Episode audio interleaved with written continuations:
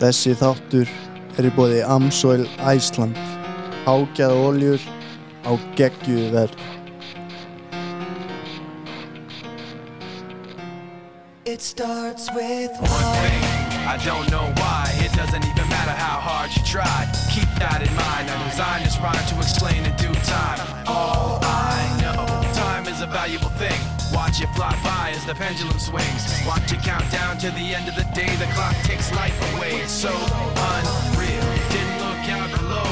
Watch the time go right out the window. Trying to hold on to didn't even know or wasted it all just to watch you go.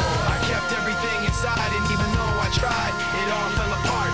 What it meant to be will eventually be a memory of a time I tried so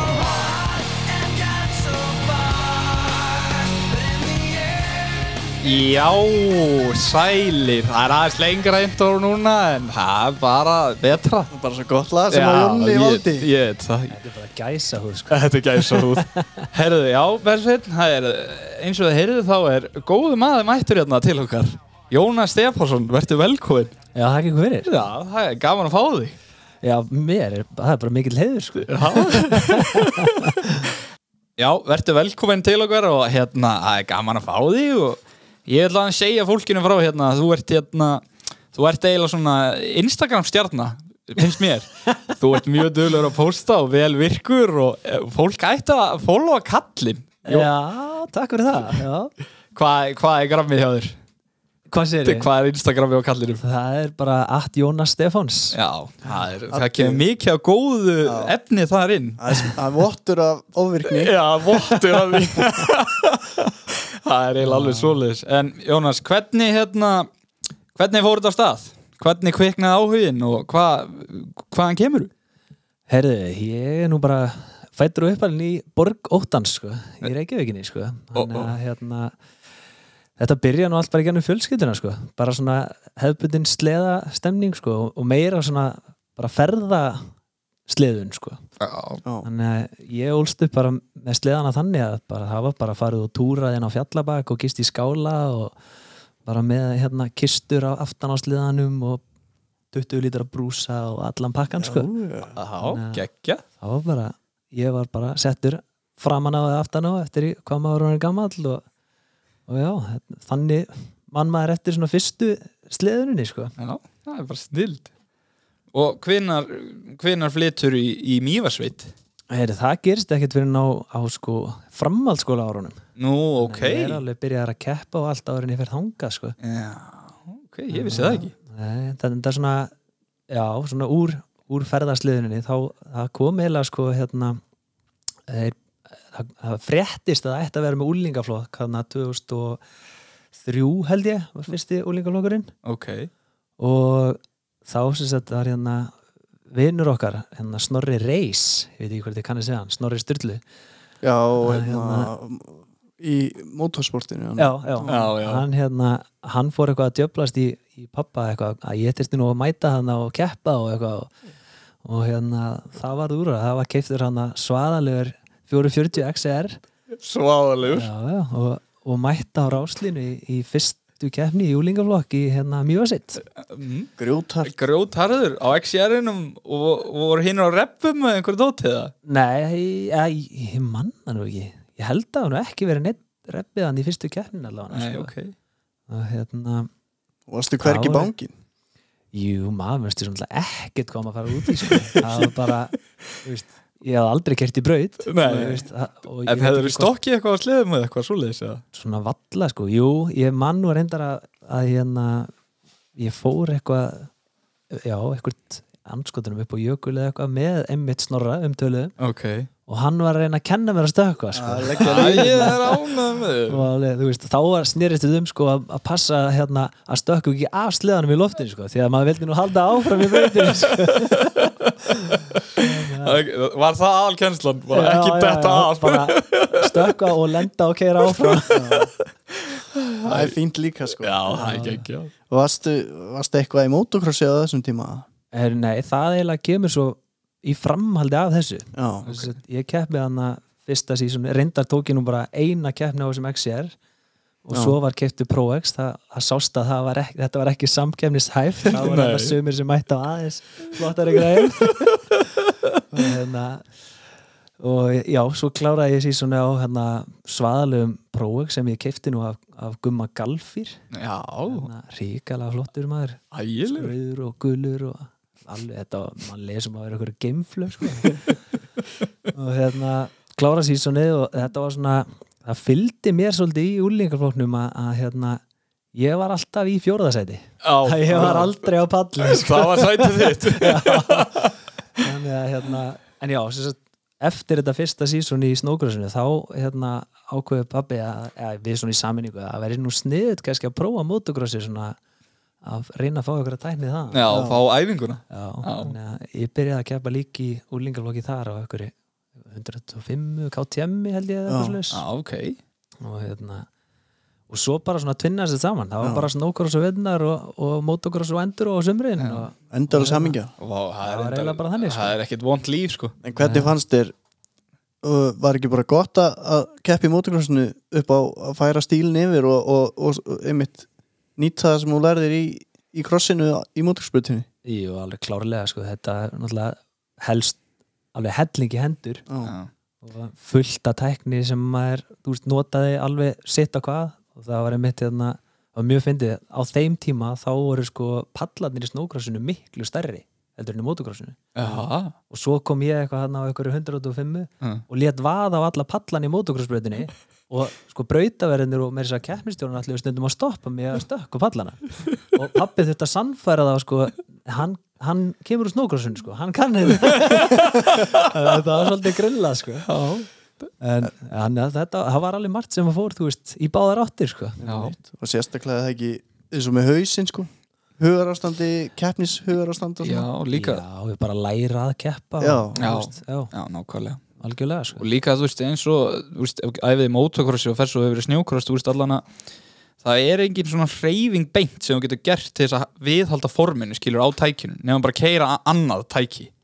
Já, algjörlega, eða þú veist, það er ekkert sem kemur eins. Nei, ég er að segja, þú veist- það er margt sem þú getur gert já, til að já, já, hjálpa og, og það, maður fatta að það svona þegar leið á, sko. Já, já.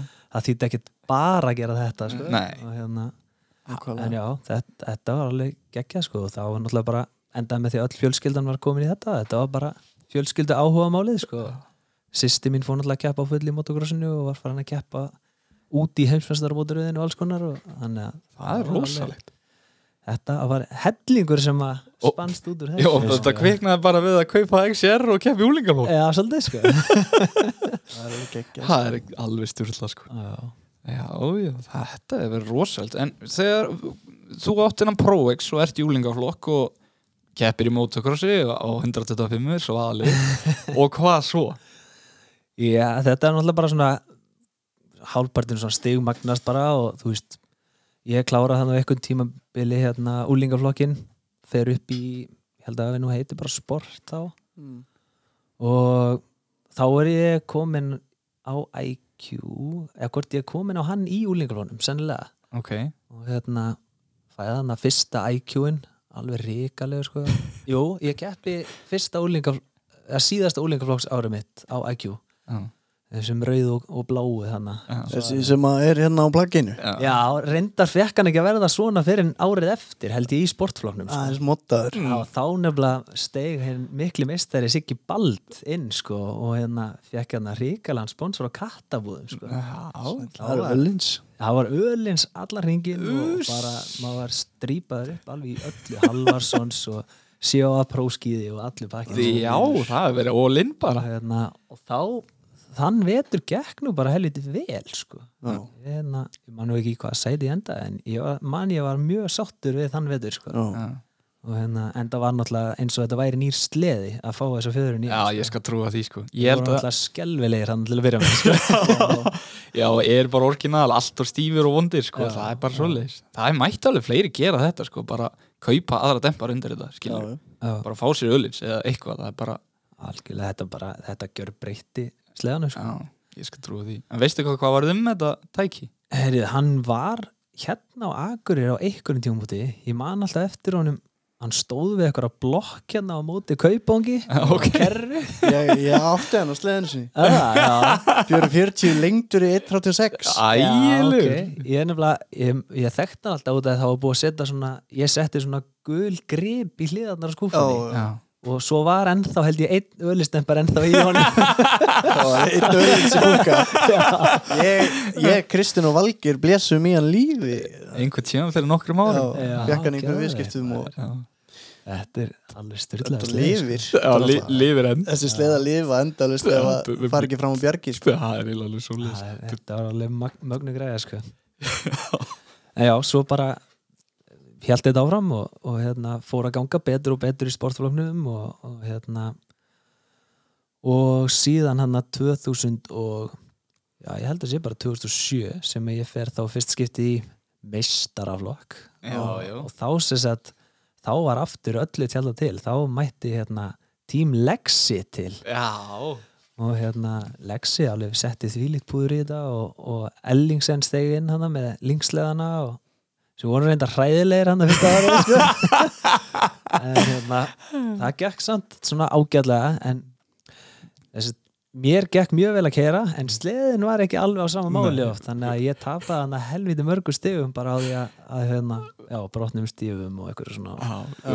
Vo- vorum einmitt að tala Þið sem um að flög fyrir Já, hann og svona það var hérna kerði heilt hít þarna með hútið blaktandi bara í ennið á sér skemmtilegu fítus að við opnast að neðan Já, mjög, það er mjög gáðilegt sko. það bara stóð eins og einhver, standbína þannig fyrir andlutina og, og þetta horfa sikkur um megin ég skil ekki ennþá hvernig ég held bróa fyrir aftan mig í þessu, híti sko. Mér- Þetta er rosalegt. ég var nú bara að horfa á þetta um daginn síðast sko, þarna þegar Alexi postaði þessu og mér finnst þetta mjög skondið sko. Já, Þetta þetta rifjaðist einmitt allt upp fyrir mér, fyrir mér þá sko. fyrir þá sem er að hlusta þá er þetta á YouTube hérna, já, eh, Snowx It's Snow X 2007 Já. held ég, þetta heiti, eða 2008 eða eitthvað. Já. 2007 2007 þannig já, Já. já. þetta er sko. þetta er hérna, já og það, þann vetur gekk svona sæmilega fyrir utan sliðan og það var reyndar það var, það var margt skemmtilegt en vetur. Það var til dæmis fengið til landsins hann hérna George Mekkin sem var Mekki fyrir Blair Morgan á sín tíma já, hann var bara fluttur hingað inn til að tjúna alla linksliðana ok, og bara kúplingstjúnað og alls konar gert og græða og hann mætti bara hérna með eitthvað sérsmíða helixa og ég veit ekki hvað og hvað og það var reyndar alveg fáranlegu munur á sliðanum sko. Og hérna hann var, var, var mikið lagt í þetta sko. já, ég heyri það. Þú veist, mér svo fyndið allar þessar gömlu sögur. Það er svona það er svona pín samnefnar í þessu. Það bara alltaf að vantaði aðstóð það var bara hringt í bestu guðra í heiminum og þeir fengnir á staðin bara getur þú komið til Ólarsfjörðar og bara að græja þetta. Var ég man alltaf eftir í sagt hann tók sliðan minn og Kára og hver var hann, hann Palli hérna Jóns á Ísland og það var einhver eitt sliði viðbútt sem ég man ekki alveg, þetta voru fjóri linksar og hérna, hann mætti þarna með einhver, einhverja heliksa og viktar og ég veit ekki hvað hvað í þetta og, og hérna og hann, hann sagðist aldrei geta muna nöfn. Ok, þannig að hann skýrði okkur bara eftir einhverju vinum sínum. Og þú veist, við- ég á ennþá hérna viktabóksið og það stendur bara Steve á mínu og það fengi allir bara svona box bara, já, þú ert Steve. Já, þú lukkar svolítið eins og Dave þú ert Dave. Alveg grillaði kall sko. Já, hann er samt verið hressið ekki? Hann var mjög hress sko. Hann talaði svo hann sagði endalisa klámsugur bara og bara, ég veit ekki, eldgamall kall sko, þú veist, fullorðin kall sko. og hann mætti hérna aftur sérst árið eftir 2008 og tjúnaði þá RSM-in sko. já, ok það var alveg geggja sko. en tjöfullega þetta er rosalegt en eh, var hann ekkert að þú veist bræð úr þeim eða eitthvað þú veist, gekk þetta allt bara vel já, hann ekkert farið með þetta alveg á en, istunu en jú, við heldum að hann verið að fara að bræða úr hann Ég- hann gerði þetta á Húsavík fyrir móti þá já, og linksættir hann 2007 hann bumbu linksættir, Já. þeir komu sko með ég er, er örgulega ekki að munna rétti tölur en Mm. þú veist, það, það, mér leið eins og það hefði verið svona 400 jetti í Já. honum og hann setti örgulega svona 280 jetta í hann Já. og við heldum hann væri bara eitthvað þroskað að grínast Já, en svo náttúrulega reyfi þetta sig bara áfram Já. út í braut sko. Mm. og þeir kerið allan veiturinn sko. Já. hann hefur verið alveg með þetta Já, þetta var alveg við heldum við færum bara á stað og svo var þetta búið sko. er e- eins og þeir talað um sko þarna, eins og út í bandaríkjunum að, að hérna, þeir jetti þannig að þannig að hann sko dugi hítið. Já, já, þú bara skiptir stimplu og nákvæmlega. og tekið allt út. Ein keppni og búið Það var snýt þetta var líka ekki sko. það er sem sagt þarna líka var hérna Elli hérna, rock. Já, mm. einmitt. ekki til að vera svona mekki í liðinu og, og það hjælt sér eða svolítið bara. Við, ég, hann var svolítið bara með mér svo restin af árunum hann af, af snókursfæðlunum sko. er hann ekki alveg eiginlega lungin í þessu hann er alveg með þetta sko. hann fullt af geggjum hluti sem hann gerði fyrir mig og sleðan sko. Já. alls konar pælingar sem að ég hefði aldrei pært eins og til dæmis hérna, í RN-sinum þegar við fórum að, að vinna með vúpsana Já. þá datt honum allt í huga að hann setti rýbóndið upp í búkanum mm. þá þurfti ég aldrei að bremsa Nei. Já, ok þannig að hann skaust alltaf nóstæfaði alltaf Já, en ég gæti alltaf bara hóstað í hann Já. En það er aldrei verið enda óþægilegt á pöllum eða þannig. Nei, ég, Það er ég, fyrir. ég bara lærði að keira þetta svona og, og ég mitt fann þetta rosalega í vetur hérna þegar ég mætti við braut og prófaði RSN á strákunum öllum. Já, og þá hérna fann ég þetta strax að einarsliði var svona. Já. já. Ég gat, ég gat kert hann nákvæmlega sem ég hefði kert sleða vel Já, ég ég skil. var hel sáttur Geðveikt. Það er nefnilega líka þess að þú segir að hann hafi komið með aðra, an- aðra hvað sem er, insýn inn í þetta eins og frá þér, að hafa menn með sér sem að geta, þú veist, er ekki að einblýna á eitt hlut heldur en fleiri hluti Já, og og bara drive-in. prófa sér áfram líka Já. og Fykta algjörlega sko, hann náttúrulega sogaði bara í sig alls konar visku frá þessum George Já. sko, og svo náttúrulega líka bara búin að úst, keira og bara læra helling og Mm. skrúa sjálfur og keppa sjálfur Já. og, og hérna hann var alveg bara ómetallegur hann á hliðalinni sko. Já, alltaf kláður þegar maður kom inn í pitta græði og gera og, og hérna. Já, við, hann kom með mér út á heimsveistarabóti líka og ekki með mér þar og þetta var líka ekki sko. já, það er magna en já, það er sem sagt ef við höldum áfram með, með hérna söguna þá sem sagt kemur hann að 2008 RS-in og það er svona árið sem þetta small allt sko. Þá hérna og sagt veturinn fyrir það mót þá hérna eða fyrir þá sagt, já, fyrir Seasonið. season, þá svona áttaði mig svolítið á því að, að maður þyrfti nú kannski að æfa sig eitthvað aðeins áður maður mætti til leiks. Þannig að ég myndi það alltaf eftir sagt, eftir hann að 2007 seasonu þá var maður alltaf handónur í bakinu og allt í rugli eitthvað og, já, þannig að hann um hausti ég nýtti það mjög vel sko í bara bara líkasrætt sko já. já, Þá byrjaði líka sættin já það má eiginlega segja það Já, sko. ok. og þá þú veist þá bæði hafði maður bara úttaldi að keira allt hítið eins og maður vildi keira Já, og, og, hérna, og var ekki eins og þú veist kúregi daginn eftir sko. þannig að hérna það var það og, og sleðin náttúrulega geggjaður að RS-in mætir og, og hérna og já, bara búin að æfa vel og, og þá bara smallið allt saman og, og hérna ég held ég hafi nú ekki unnið öll heitin þaðan veturinn en ég held að ég sé að muni rétti að unnið alla keppninar já, ok, ok. og hérna þannig að það var, það var mjög næs. Já, ég heyri það Það hefur verið snild. Að, að, að þetta smelli þarna. Já, það var mjög sætt svona eftir alveg sko hvað hva, átta, nei vá, þetta er flókið reiknistæmi Já, fimm ár fimm að ár. vera ekstar í svona fjórða, þriðja sæti kannski.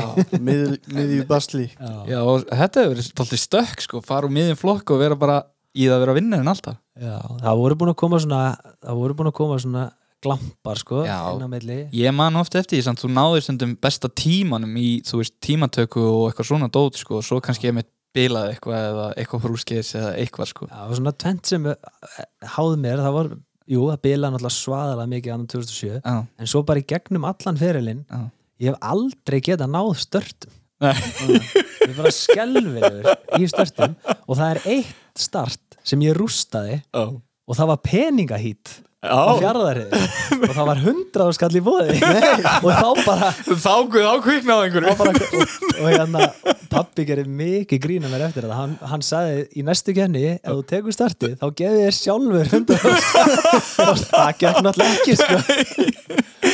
Djöfull, það var rosaleg helgi þannig á fjárðaregi þá, þá var hérna vann ég mótið og þetta peningahít og djöfull, það var rosalegt að gera heim eftir þá kenni Já, mjög gladur Já, þetta hefur verið snild sko. Já, Það er gott að uppskera.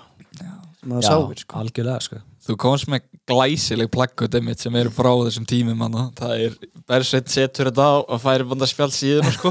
það er eitt hérna því að ég konum á ölisinum illa flottur, sponsar öllum helstu mönnum hérna, kattabúðir og ölins mótul Hótel Reynir í gamli bærin og jarðböðin Já, geggjaður og svo er, svo er það landslið hérna. Við þurfum að fara svolítið yfir það Já, Hva- hvað var í gangi þarna? þetta kemur náttúrulega í framaldi af, af þessu 2008 tímabili uh, Kemur þetta ári eftir eða Já. bara Já, Þetta er sem sagt þetta þarna þetta er 2009, 2009 ah, 2009 ok. sko. þá hérna Byrju, Það voru haldin einhver mótin að heima eða ekki jú, jú, það var alveg kert, heilt tímabil 2009 sko. Já, já. Og þá hérna, ég næsast að vera Íslandsmyndstir hann 2008 og 2009 mm. og við förum hann út á, á þetta hérna, heimsmeistaramót í, í hérna, Svíþjóð Mólo og það var rosalegt sko, við fórum hann að sko, ég, ég held þessi að munið rétt, við fórum árið áður 2008 líka Já, ok. Þá var það ég, Stess og Brói. Já, svo förum við þarna árið eftir ég, Bjarki og Ármann. Já. því ég fór hann að tvö ári röð og fyrra árið þá fór ég hann að ég, Stess og Brói. Þá voru þeir sennilega ekki komnir upp í mistaraflokk, Nei. Bjarki og Ármann. Það getur passa og hérna þetta var geggja sko, þá var hérna uh, hver, hver var þetta bestur þá? Þá var held ég held að það verið Janni Tapio sko, sem var ennþá að keppa þá. Já, Já. En Óman, var hann Og- ekki góður? hvers er Óman, hann var hann að hann allan vinna 2012 Já, og svo var, ég man líka eftir hérna Petter Eriksson, hann var líka Já, sem kom og hinga hann kom hingaði mitt og kefti sko líka. Og hérna þetta er svona, já líka sér sagt fyrir hérna gleymi því náttúrulega, fyrir sér sagt 2008 tímabilið Já, þá fer ég út í Svíþjóður og er í heilan mánuð úti. Já, Já, einmitt. Að keira og, og keppa sko. Já, ég ætlaði að spyrja það út í það. Hvernig, hvernig var þú ferð? hvernig, hvernig var það til? Já, það, það var, þetta var bara eitthvað svona hugmynd sem að kveiknaði sko, hérna pappi það komist í samband við eitthvað kall sem að bjóða hann í Norður Svíþjóð. Já, og hann sagðist vita að það væri fullt af strákum að keira í kringum hann eitthvað hérna lengst norri raskandi sko, og, og hérna og það kemur upp þessi hugmyndum að fara bara út og vera í bara eitthvað, já, ég var í fjóra vikur úti og það var keiftur hann að þessi svaðalegi rauði sendibíl, hérna. Volkswagen Transporter. Geggjaður. Fekk nafni Napoleon fara og sigra heiminn sko. Svavar og hérna, hann var græjaði til og, og farið með hérna farið með hann var sendur heldur með skipi já. Hann var bara sendur í gám við sóttum henni Rot Rotterdam og keirum upp til Svíþjóðar. Ég og pabbi, pabbi kom með mér út til að byrja með. Og þar fengum við afhendan sem RS-in þennan sem Ó, ég keppi já. svo á heima. Já, 2008 sliðan? Já, Ókei. Ellingsen var búin að læna því upp að ég fengi hann sem sagt afhendan úti. Já, og hérna og þetta var mjög fyndið, við mætum hann upp til eh, hvert var það aftur? Einhvers staðar í kringum Östersund, nei, lengra upp frá held ég.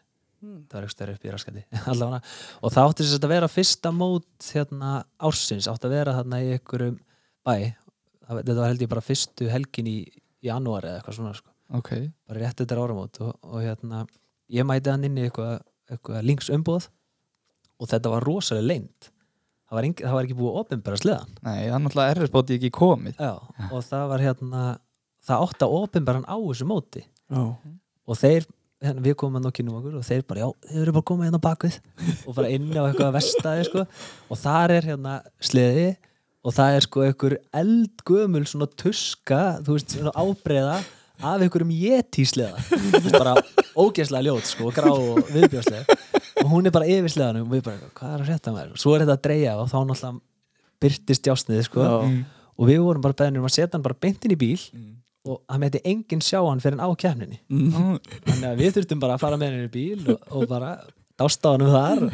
Og svo mættum við hann að keppna og þá máttum við draga hann út sko. Já, það er geggjað. Hvernig hérna- fannst þér svona, svona fyrst að sjá hann? Og því að oft, oft hugsa maður svona ó hvað er skrítið þegar maður sé nýja sleða og þetta er náttúrulega allt öru sem reyfin leit út. Já, já, ég í minningunni fannst mér hann bara klikkaður sko. já, Já, bara, veist, maður var náttúrulega þarna búin að vera að keira á mótiru líka og þú veist, maður já, miklu vildi fá hennan feeling skilur já. úr hjólinu og þarna allt í hennu færðu bara þú veist, standandi stöðu rétta og, og allt sko þannig að þetta var bara geggjað.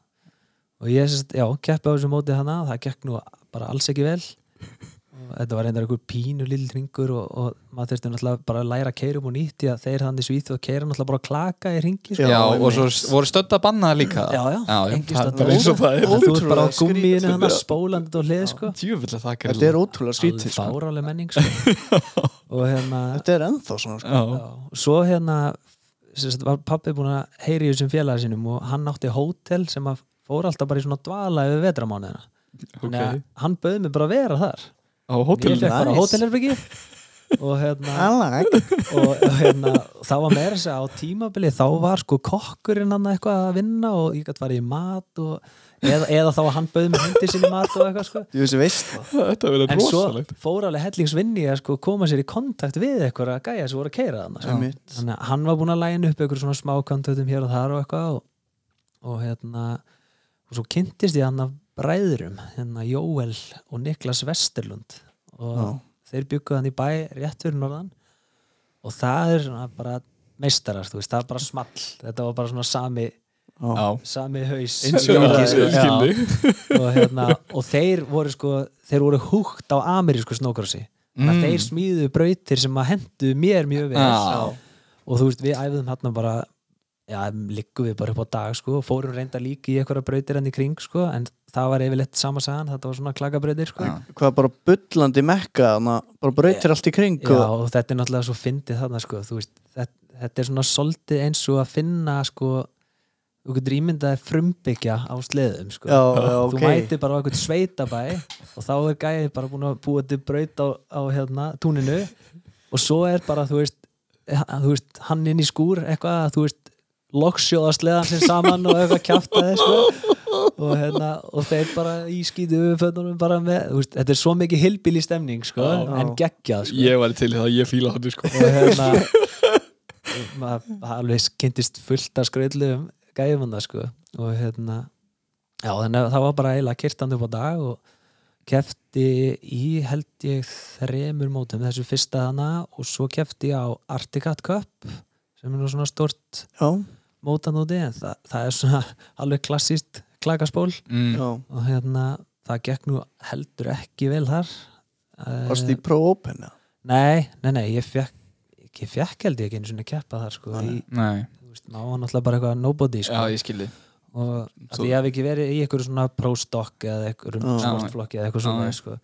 og hérna átti nú alveg gott hítan á eitthvað svo leiðis en, en veist, samt ekkert eitthvað brjáli, brjáli úrslit sko. Nei, ég skildi og svo kefti ég einu móti sem var hérna í Nóri, bara rétt hinum við landamærin Ok, hérna, það var nú heldur skemmtilegt mót sko. það voru svona alvöru pallar og, og Mm. svo leið sko. og hérna sprengdi held ég reym í því móti sem að svona setti svolítið strik í reyningin sko. Já, en aðalatri úr, úr þessari ferð var náttúrulega bara allar æfingarnar já, Þú veist, nákvæmlega. bara geta keist hana og ég eignaðist náttúrulega bara þvílitt góðan vin, hann Jóel, hann er búin að koma Já. hérna tvisar til landsins í heimsókn og, ég hitt hann einmitt þegar hann kom já, eitthvað skiptið, ég er ennþá við erum spjöllum stundum sko. já, hann er algjör snillingur sko, Kattarmaður mikill já, já, það er alveg artigat blóð í honum þannig var hann að keira Polaris já, sko. ég man Já. því, hann var og ykkur þeir báðir bræðinir sko.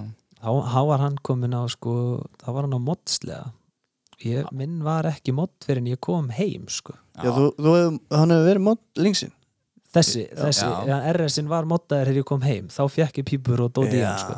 en hann var bara stokk þegar ég var að núti sko. Já, og hérna en já, sérst, þarna var ég í, mánuð að keppa og, og, og fer svo heim með allt batterið og hann kom bara, bara held ég bara, þú veist tveimdugum fyrir fyrsta mót til landsins, bara bíllinn og, og sleðin og bara kerður á mót og, og þarna erum við þarna erum við flutt norður mjög sitt við vorum nú að tala um það hérna mm. og hérna hvort það var ekki bara fyrsta mótar eða eitthvað sliðis ég, ég veit ekki eða hvort að, já ég man ekki hvernig það var hvernig er, en, hvernig er að fyrir svona borgar barna að flytja til Mýjón já, það er góð spurning sko. mér fannst þetta geggja sko. Ég, hérna, ég hef aldrei verið mikið borgabatt sko.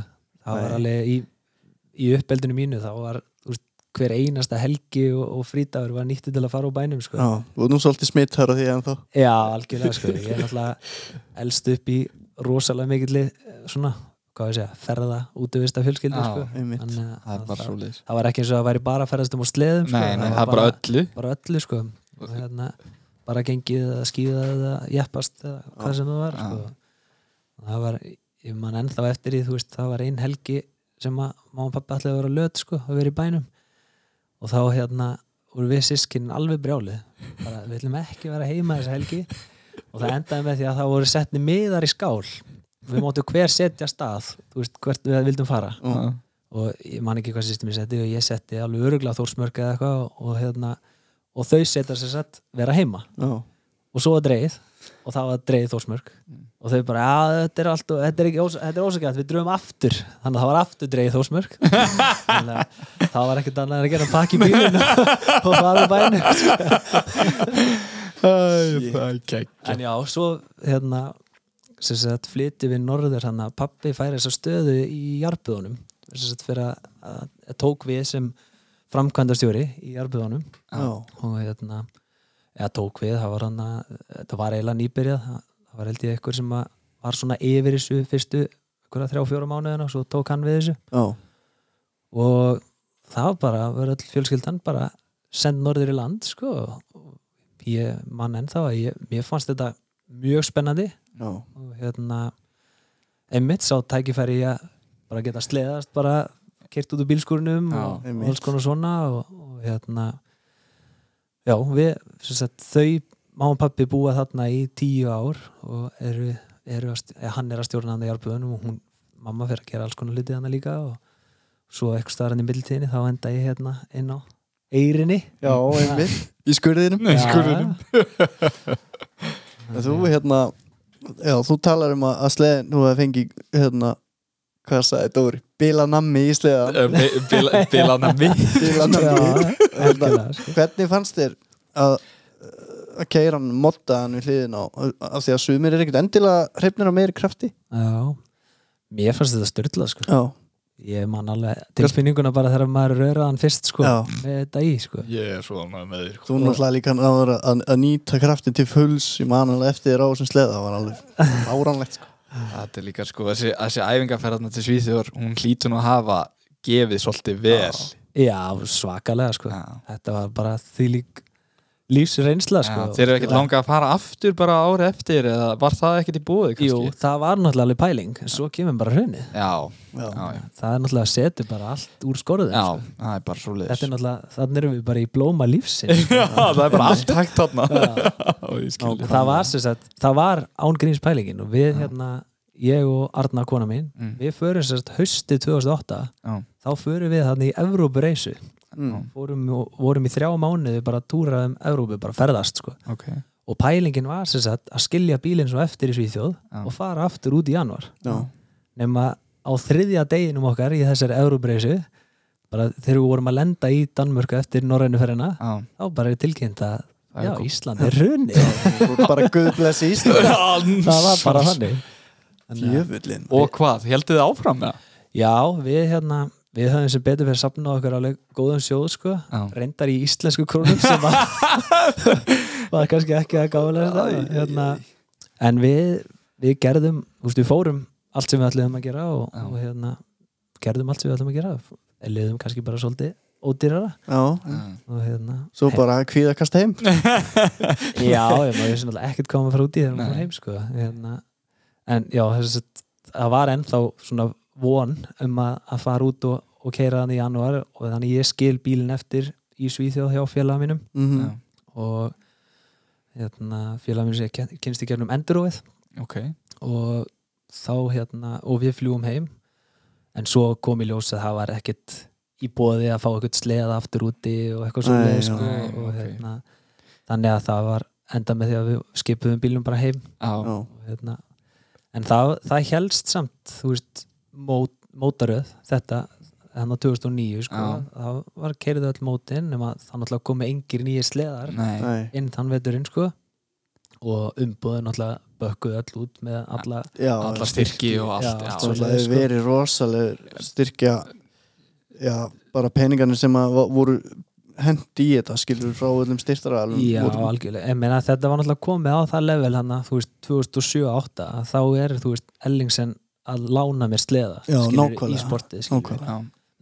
Hann að, að þetta var náttúrulega það var náttúrulega svaðalegt skilur. Mm. Mhm. þurfum ekki alltaf inn að bunga út hérna. Já, þú ert bara ökumæður Það er bara eins og í formúl. Ökuþór. Þannig að þetta var náttúrulega þvílíkt step up sko. Já, og hérna já, þetta var já, svo, já, hrunni kemur þarna og þið náðu að klára mótoröðina og hvað, svo uh, bara frírætt? Já, Þú náttúrulega hættir ekkert að sleða? Nei, nei, nei. Og það, það, náttúrulega, það, það var byrjuð mótaröð 2010 sko. Svona, ég held að við enda með því að það var hætt við síðasta mótið eða eitthvað svo leis já, og þá, þá er hérna, eru ég og Bjarki svona eiginlega að keppa bara alveg á fullu sko. já, þannig að svona allavega í minningunni þá var keppnin milli mín og Bjarka. Já, en hérna ég allavega var var með yfirhöndina þegar, því lauk. Já. og hérna þannig ég gerði grínaði en daginn með þegar Bjarki tók Íslandsmyndstöð til að það var hérna loksins að einhver tók á mér dollunum eftir hérna tíu ára stopp. Hérna, ymmit en já, svo náttúrulega fjarar þetta keppnist dótari út og ég hætti ekkert að sleðast það var bara, bara eins og segir, frírætt bara, Já, bara og ég held áfram að keppi í motocrossinu og endurónu alveg á, á fullu og, og það svo sem held alveg góðum dampi sko Já, það lifði aðeins betur af já, miklu betur sko Já, en það er kannski meira svona einstaklingsbundi sport eða þú veist minna af já, þú stórum veist, þú- sponsum og svona. ég held líka bara aðalmáli er þú veist, í motocrossinu allan á þessum tíma og ég held að sé nú kannski alveg ennþá í dag þú veist, mm. þú kemst alveg upp með það að mæta á nokkur röglum í hjóli já, sko. Þú ert samt alveg samkemnis Þú- hægur já, einmitt. það er einmitt þarna þú mál. veist, bara frá 2007 til 8 þá var allt í einu 2007 bótið bara verið, þú veist, ónótæft með að við hitt já, það er bara svo list það er náttúrulega þróunin hann skilur á þessum árum frá svona 2000 til 2008 hún er rosaleg Já. Já, þetta er bara, þú veist, það er ekki að líka saman sliðum hann á þessum árum það er sko. bara svo list sko. Þannig Svo er að- bara eins og núna eins og þú fórst einmitt á 2008 að sá ég snópróðin á Snæþóri Já, já það er bara ekki hægt að keira lengur Þetta er sko. já, þetta er náttúrulega já, þó þetta breytist kannski ekki mikið skilur þá er samt svona, það er að vera að fínpúsa þetta vel sko. Já, Já, já, bara allt skilur þú veist, bara krafturinn og responsi í sleðanum og fjöruninn og allt Já. skilur þetta bara koll á kolli, Já, já. bara sem betur fyrr, batnar sko. já, það er bara þannig Já. en, en já, þess að motocrossi lifir hann alveg í, nokkur ári viðbútt og ég er að keppa fulli og legg svona mest áherslun á enduróið já, og var nú meira að segja í, í landsliðin í enduróð hann að tvö ár, fórum út á Six Days kemina já, já ok hvernig var það? já, 2011 og 12 það var náttúrulega alveg styrla dæmi líka sko. og hérna já og svo gleymi ég náttúrulega líka hérna Duluth kemninni 2010 sko. það var líka Já, ævintýri, sko. ég var að 2010 sem það fórst að dúlu Já. ok þannig að þá, þá var verið að haldi svona eitthvað að vona að halda þessu uppi standi sko. Hvernig aðtökaðist það, hvernig þá hérna hafði öruglega árið áður eða kannski lengra áður þá hafði hann hérna Mike Schultz já, komið hérna heim og Mm. keft mm, var þá á Polaris og svo eitthvað þannig um haustið já, haustið 2010 þá hérna kemur eitthvað svona pæling hvort við þurfum ekki að prófa bara að fara út og það, það, það, þá, var satt orðið útséð með að er eitthvað mót hérna heima satt þá væntalega 2011 sísonið Mm. og hérna þá kemur ykkur hugmyndum að hvort við þurfum ekki bara að fara út og keppa og hérna og við bara sendum bara á Mike Schultz bara hvort hann geti eitthvað hjálpað okkur. Og hann náttúrulega bara þvílíkt gulla manni og bara bara jú blessa, veistu, ég er með hérna varasleða, þú bara kemur út og keppir. Og þannig að ég og pappi skutumst út og hérna keirum hann upp til eitthvað stæri Minnesota þar sem hann býr í, mann ekki alveg hvar. Og þar bara stendur þessi glæni RS skitti og, og hann hérna bara allra vilja gera til að hjálpa okkur og þá var hann sem sagt búin að lendi í þessu slisi þar sem hann missi fótinn. Og, og er þannig bara farin að smíða sín eigin löp þetta er alltaf fáranlegt hvað maðurinn er magnaður já, þetta er ótrúlega kvikindi. Og Já, já, nákvæmlega. Hann er sett lendir í slesi í snókróskefni já, ok. Fóturinn vöðlast eitthvað inn í búkan já, held ég að ég muni rétt og þetta var svona eins og hann lýsir, þetta var eiginlega bara svona klúður og eftir klúðuri slesi sjálft var ekki það alvarlegt að það þurft að aflimann Já. heldur í rauninni klúður bæði þú veist í flutningnum á honum hversu lengi hann var og svo liðis þannig á endanum þá bara var ekkert þetta að gera þú veist, það, það var bara liðin það langu tími þannig að það var bara, gjöra svo vel. Við Ja, bara klippa hann af sko. En hann er sko heldur betur ekki búin að láta degan síðan sko. Nei, vinur. Hérna, hann gafst ekkit upp nei, nei, nei, hann já, smíðar bara sína eigin löpp hann með Fox stempurum í Mm. já, og- já, Ég veit ekki dempar hvað hann sko. geggjað sko er bara komið með spons frá Fox bara út Já. af, og bara komið með sitt eigi fyrirtæki í dag bara Mm. smíða þetta fyrir fyrir fólk sem er búin að lenda í þessu sko magnaður keppir hann áfram í snowcrossi og, og motocrossi já, og nú er hann á fullu í hérna bordercrossi já, brettunum, já, svona í svona braut á, á brettum brettabrun já, Bretta brun. ég held hann hafi verið að, að reyna að komast í sko ég held hann hafi að verið í olimpíuliðinu þeirra bandaríkjana og eitthvað svo leiðis sæll fjölhæfi náðungi mjög. Mjög. En allavega, við komum aðeins út fyrir Já, þú fara hann á nýja RS Já, og hérna, við fórum eitthvað og æfðum hann í einhverju braut hérna, það var helvits fjör að mæta á móti alls konar einhverjum nöfnum, maður var náttúrulega bara eins og einhver lítill krakki, sko. Og svo mætum við upp til Dúlúð og það svo fyndið, maður einhvern veginn maður hefur engan sans fyrir í þú veist, stærðin á þessu og ég veit að þið eru náttúrulega búin að fara út líka. Já, og þú veist, svo mætir þarna og það eru bara, þú veist, 40 semi-trökkar bara, þú veist, á, og pittir og, og út um allt. Og sumir á tveim hæðum og Já, þrem hæðum. algjörlega. Og þú veist, svo er alltaf að tala um að snókrossi úti sé svo lítið, það var eitthvað já, er þetta lítið? Það er bara 100 miljónar krónar bíl já, já, það er lágmarkið sko. Já. það er bara svoleiðis. Nei, hérna, þetta er bílun sko. Þetta þetta er var- klikkað. þetta var klika og ég sem sagt fæ að keppa þá í þetta var árið sem þeir breytti eitthvað flokkaskifinu og það var held ég pro-light held ég, mm. svo leiðis mhm. já, og ég fekk að keppa þar og gekk nú bara mjög vel á æfingum og svo sem sagt í það voru held ég tvö qualifying og í fyrra qualifying enda ég í fjórða sem var nú bara þokkalegt og svo í setna springur reym þannig að ég enda í last chance Já, og er einu sæti frá því að komast í fænal í, í final sko. anskotin og hérna, en þetta var rosalegt þú veist, að keiri þessa braut Já. þú veist, sá maður veist, af hverju sleðanir koma svona stíft upp settir og svo leið sko. Já. því að þú veist, þetta grefst náttúrulega bara í já, drast verður úti, sko. ógeðslegt já, alveg og líka, sko. já, brautin náttúrulega mjúk eða ekki ég er svona, hvað ég segja þetta er, svona, þetta er svo þurr snjór já, já, þetta verður svona duft, en svo verður þetta bara svona pakkað úr ís einhvern veginn í botnin. Já, ok. Þannig að þú einhvern veginn lendir í einhverju svona dufti Já. og svo bara endanum er eins og þú setja að lenda á steipu já, já, já, Ah, ok. þannig að þú veist, snjórin tekur aðeins við og svo stoppar það bara. Já, þú veist eins, og, eins og ég man alveg þegar ég stegu upp á sleðan þú veist, hann að fyrst þegar við vorum eitthvað að skoða hann og eitthvað svona stillan fyrir mig og eitthvað og, og ég bara eitthvað, shit, hann er allt og stífur sko, ég þarf að mýkja hann. Og hann sagði, já, nei, ég myndi prófa hann fyrst eitthvað. Já. svo fórum við með að kerðum í sér æfingabraut og þá náttúrulega sá maður hvernig brautinnar voru sem þeir voru að keira já, þá allt í hennu skildi maður af hverju veist, þeir voru þeir voru með tíu klikki viðbútt heldur en við. Já, nákvæmlega. hérna, hvernig fannst þér að keiri í þessum brautum? Hvað fannst þér um þær? Sko, mér fannst þetta náttúrulega bara vondar sko, já, í, í rauninni veist, að, þetta var svona og þa- það er náttúrulega alveg umtalað að- að fóra þannig tímabil í snókursin úti þar sem að, þú veist, það var eiginlega aldrei neitt rithmi í brautunum. Nei, nei, Þú veist, það var bara eitthvað svona já, þú varst bara lend heisa, já, já, húpsa bara og Já, svo kom eitt pallur skilur Já. svona endamarka eitthvað þannig svo náttúrulega geggja á hróðu vetur. Já. þá, þá allt í nú kom bara þvílít flæði í Já, brautirnar það var og bara- ægilegi pallar já, er víðar, já, breiðar brautir og fullt af línum og alls konar. Já, þegar ERX-ið er sko, það var náttúrulega tvær ERX-keppni sko, þú veist, Já. báðar tveggjata held ég.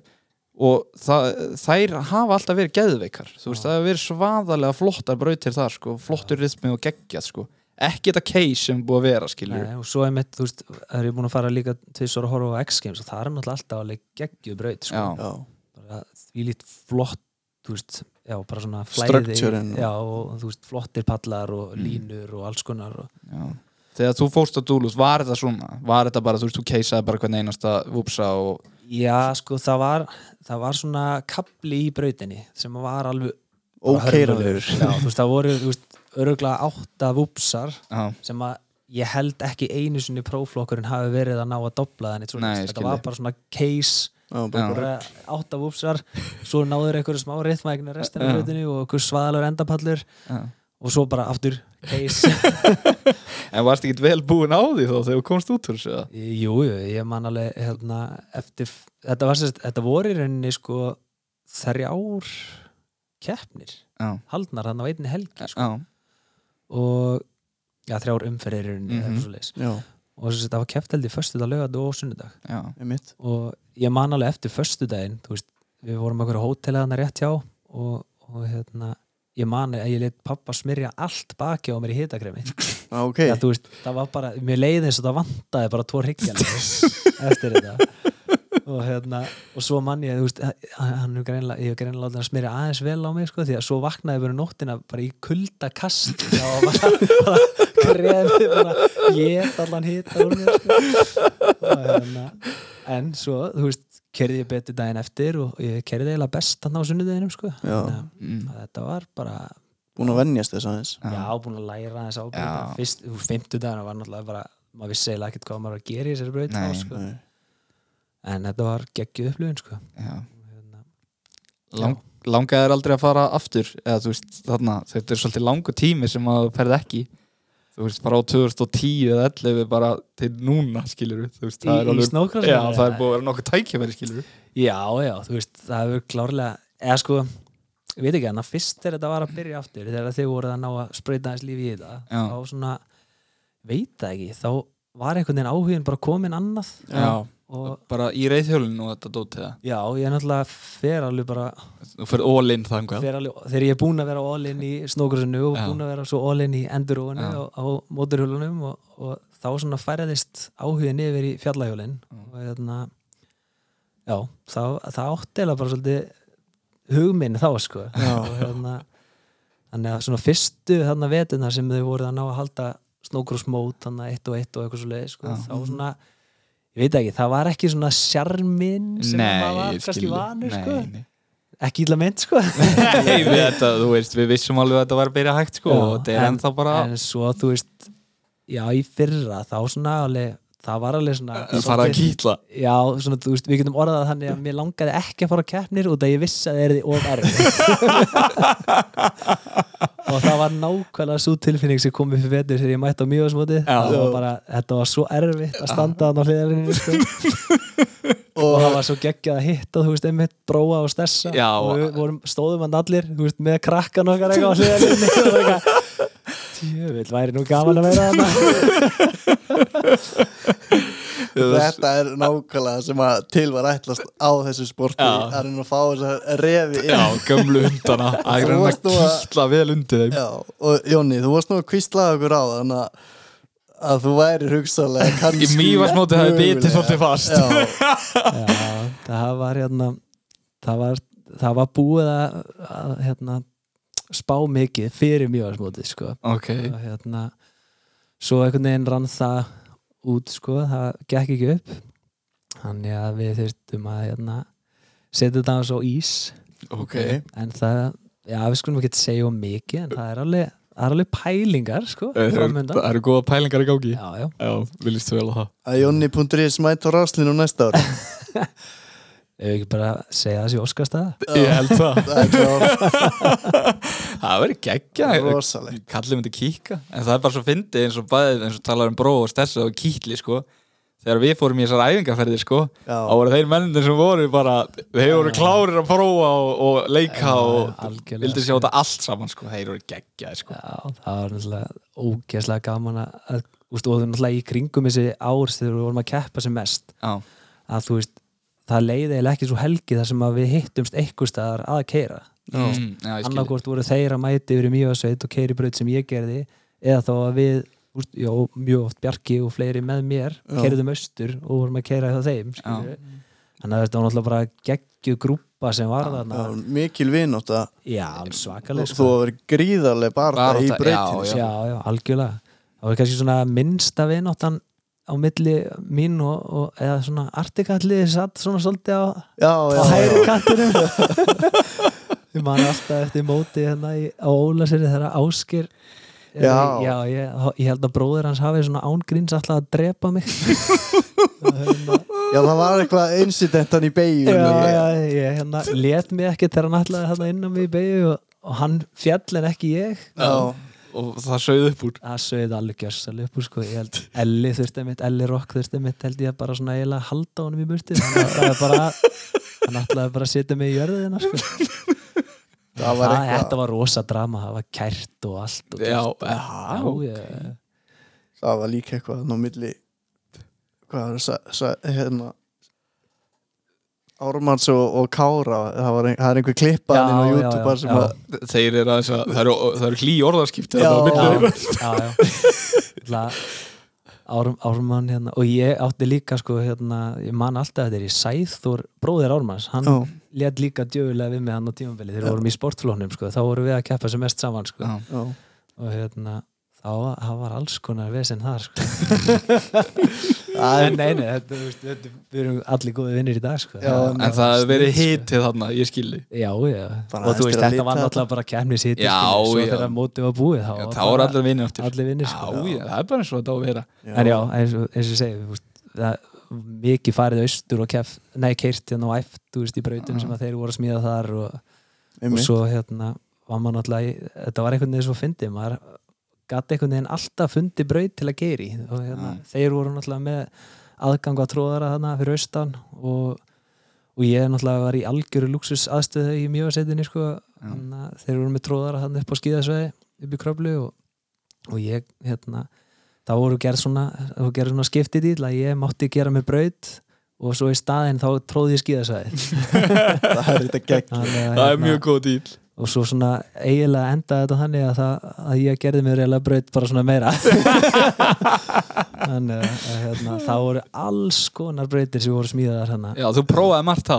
Já, já, algjörlega sko. Var það ekki geðveitt að fá bara lausan taumin og tróðar og þú getur bara eftir eins og þú vilt bæði að tróða og að keira alveg klikka sko, ég bjó alveg því ég var að vinna hérna hjá Helgarinni eitt sumarið, já, Já, örgulega sumarið 2007 þá fekk ég hérna vinnu hjá þeim, hjá Átna Helga og Já. hérna og þá voru við að djöflast í alls konar vittlis og búa til eitthvað dótari og, og hérna, við vorum með, meðal annars að hérna að í vegavinnu að búa til brúna hérna yfir Laxána á leiðinni til Húsavíkur þannig fyrir norðan flugvöllin já, já, já, já. Mhm. og hérna og þá var sérst uppgröftur hún á veginum hann var komin til hliðar og við enduðum á að við byggum til svona streitlæn motocrossbrut þá var bara búin til pallar og allt og svo mættu allar hetinir enna þú veist manna hérna Jói Hansen og Steppi Gull og allir sem kallar og. Kristoffins og mættu allir austur á kvöldin að að keira sko. Já. og þá var bara tekið svona bara streitrið um þarna, svo bara dóla tilbaka og svo aftur og bara keirt þarna langt frum á kvöld og, og þetta var meira þess að komið út í það sko, við nefndum ekki að láta þetta grafast þannig að við vorum farin að valta brautina. Að valta Það Já, og hérna mann alltaf eftir ég að ég var hann eitthvað sendur á valtarinn eitthvað að valta eitthvað uppstök og þá hérna er ég eitthvað svona aðeins komin út í annan kantinu uppstökinu og þá gefur sér bara hliðin á pallinum og ég var næstu búin að velta valtarinn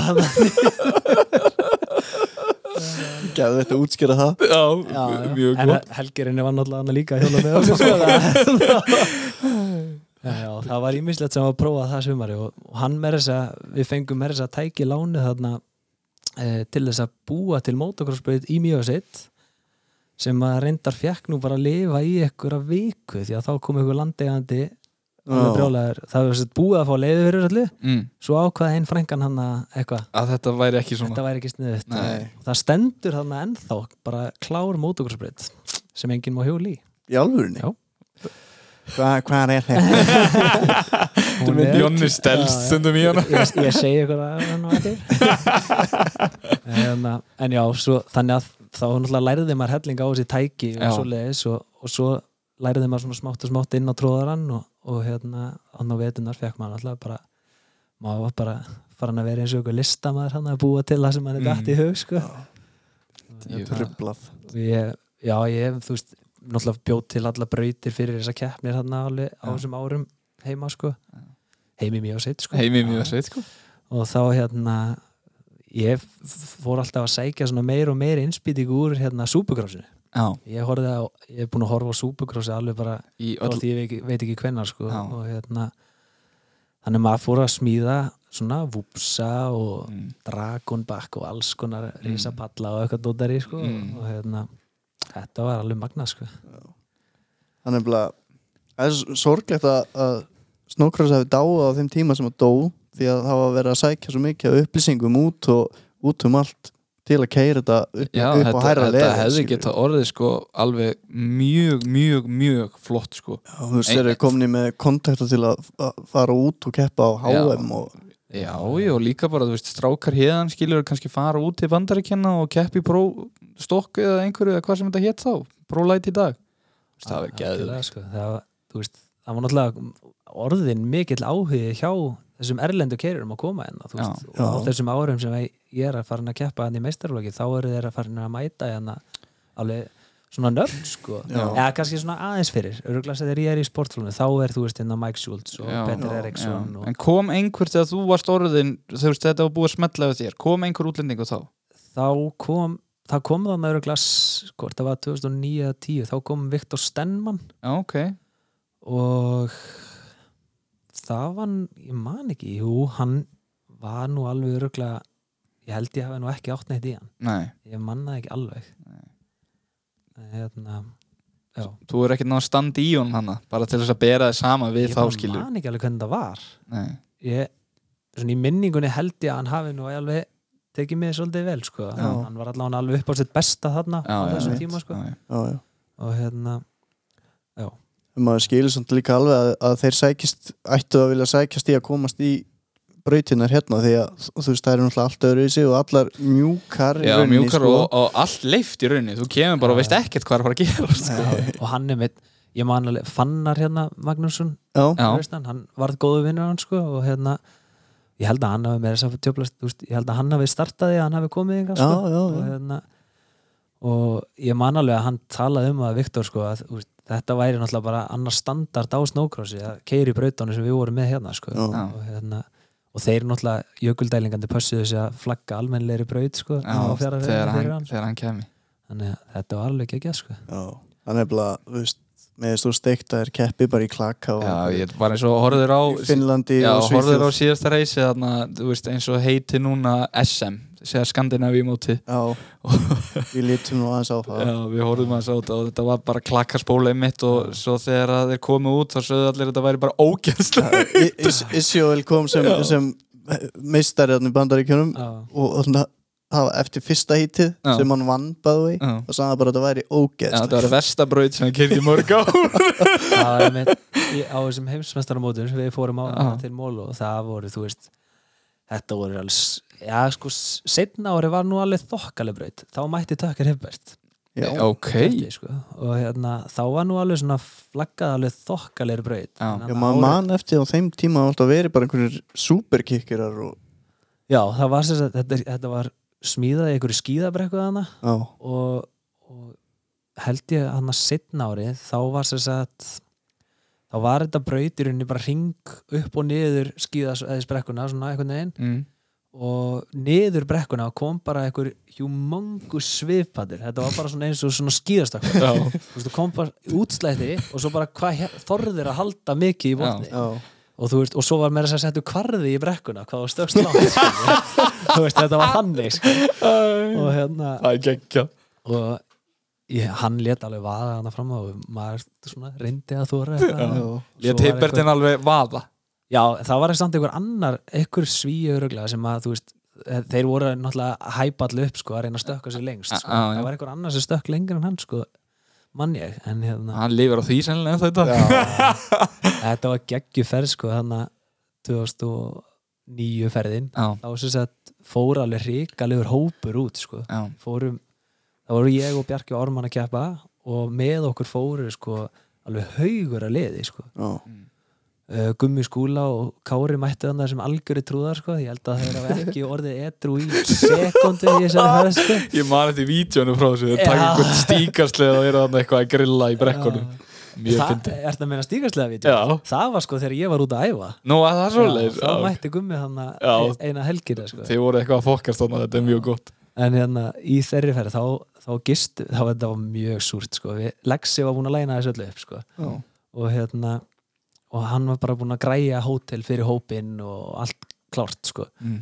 og svo keirum við hann eitthvað upp frá Stokkólmi, við erum búin að keiri fleiri fleiri klukkutíma sko, þarna upp, upp eftir og hérna erum svo, keiri eitthvað bara afdala veg, bara út í skói mætum hann á eitthvað hótel sem að lúka nú helviti flott sko. svo mætum við inn og það kannast enginn við neitt það bara vissi enginn hverju við værum að hvaðan við vorum að koma og það var hann svona tímabili. Ég, Sitti var með hann pabbi Bjarka sko, og ég man að hann var ekki sátt Það var ekki hrifin svo, svo hérna reynda að setlaðist þetta allt sko, og, hérna, og það var svo fyndið með það. Og þú veist hérna, margt sem að sem að hérna getur hérna hvað við segjum er, sem að getur farið úrskeið hjá hann og leggsa okkar sko. En þarna þetta small allt alveg gjörsalega sko, hann var búin að lofa hann að svítum fyrir alla og allt.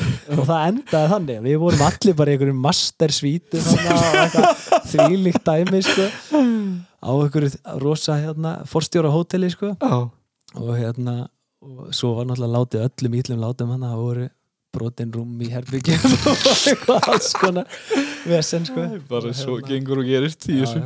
og hérna þetta var reikalega góð ferð sko og með einhverjum bílalegu bílum sem voru látnir fljúa þarna fram að einhverjum kantsteinum og Það er eins og þetta á að vera. Já, já, bara alveg strákaferð það var þarna á leiðin á hóteli það voru lestateinar og það kom svona svaðaleg dífa í veginn. Og við vorum á tveimur svona transporterum og við hérna Lillur stökk vorum græjut búin að við vorum- náðum að æsa sitta mér þessi að koma hann á endar og hann lyfti sko hjólum um svona 40 cm held ég sko maður. Þetta er Já, þetta er alveg, alveg geggjaða ferðir sko. Við vorum við að spyrja Dóra um svona einhverja sögur og ferðunum. Hann sagði nú bara brota brotaði í þættum sko. Já, það sem hann sagði eftir þau voru konir úr lofti var rosa Já, það eru mjög góða sko. Þetta hefur greinlega alltaf verið gaman þegar að svona góður hópur fer út í snjóslega ferð algjörlega sko. Það, var, það er marga góða sögur sko. Það er alveg klárt. En, já. þetta var góði tímar. Já, ég heyri það. Heyrðu. En já, allavegna hvernig var þetta, þú veist, þegar að Hibbert er þarna úti og þið eruð að keppa við hann og hvernig veist, hvernig, hvernig er hann og hva, hvernig fannst þér að vera hvernig gekk þér á móti öllu sem hetjum já, mjög fyndið að segja keppa við hann sko. Já, já, það er alltaf enga veginn þannig sko. nei. Nei, nei, þú veist, ég hérna ég sem svona meistarinn þarna á þessu tíma fekk að keppa sérst í A-flokki. Ok, og þá já, ég náði held ég ekki inn í fænalið og var einhverjum örfáum sætum frá því sko. Og strákanir Bjarki var held ég næstur þar á eftir eitthvað og svo Ármann eitthvað staðar þar á eftir. Þannig að við röðum okkur hann eitthvað koll og kolli. Eða það voru einhverjur á mill okkar en, en allavega engin okkar náði inn í, inn í fænal sko. Nei. Þannig við sátum hann á kantinum bara að horfa á þegar þeir tóku brautina sínu taki sko. Já, Já. og það er náttúrulega þú veist, þarna sá maður alveg af hverju tökker er eins og og hann hann er Já, sko, ég þú veist, þetta er náttúrulega maðurinn er náttúrulega bara vél. Já, Þú veist, hann, það, er, er eiginlega ekkert mennst við hann nei, nei. Sko. og þú veist, hann er náttúrulega bara uppalinn til þess að keppa. Já, hann á bara að vinna. Hann á bara að vinna sko.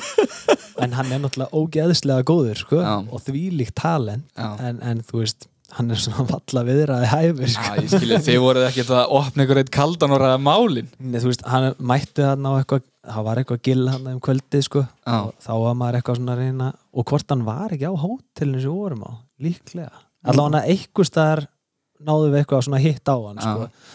Og þá svona, jú og maður náðu að tala við hann og ég man að Fannar var alltaf að djöblast í konun hans eitthvað hún- svona. Kannski ekki skrítið þetta var svona, þetta var svona meira svona, hann var, húst, hún gat talað skilur Já, ég hann var svona að tala við hann Já, já, já, og bara svona reyna, þú veist það eitthvað, ná okkur spjalli sko. Og pappans er helviti fýtt kall sko. Hann er alveg gatt spjallað sko. En hann, tökkir, hann var svona já, hann var ekkert að reyta sér brandar Nei, nei En var einhver sem stóð í honum hann skiluru? sko, mér minnir það þetta hafi ekkert verið eitthvað svona Nei, hann var ekki dominant þarna Nei, en hann vann alveg sko, Já, já, já. Þú veist, en þú veist, það var ekkert það var ekkert eins og hann hefur komið bara og hleyið að hinnum Nei, sko. nei. en hérna og þetta var náttúrulega þetta var alveg bísna góð braut á skandinavísku lefin ef við tölum hérna um klakabreytina sko. Þetta var ekki þannig braut, ekki þetta árið sko. Nei, þannig að þetta var alveg já, þetta var magna sko. Og hérna og svo einmitt þannig að þegar ég fer og horfi á X-Games öruglega 2011 eða eitthvað svo leis þá var mitt hitti ég Mike Schultz þá var hann að keppa hann í Adaptive flokknum. Já, og, já.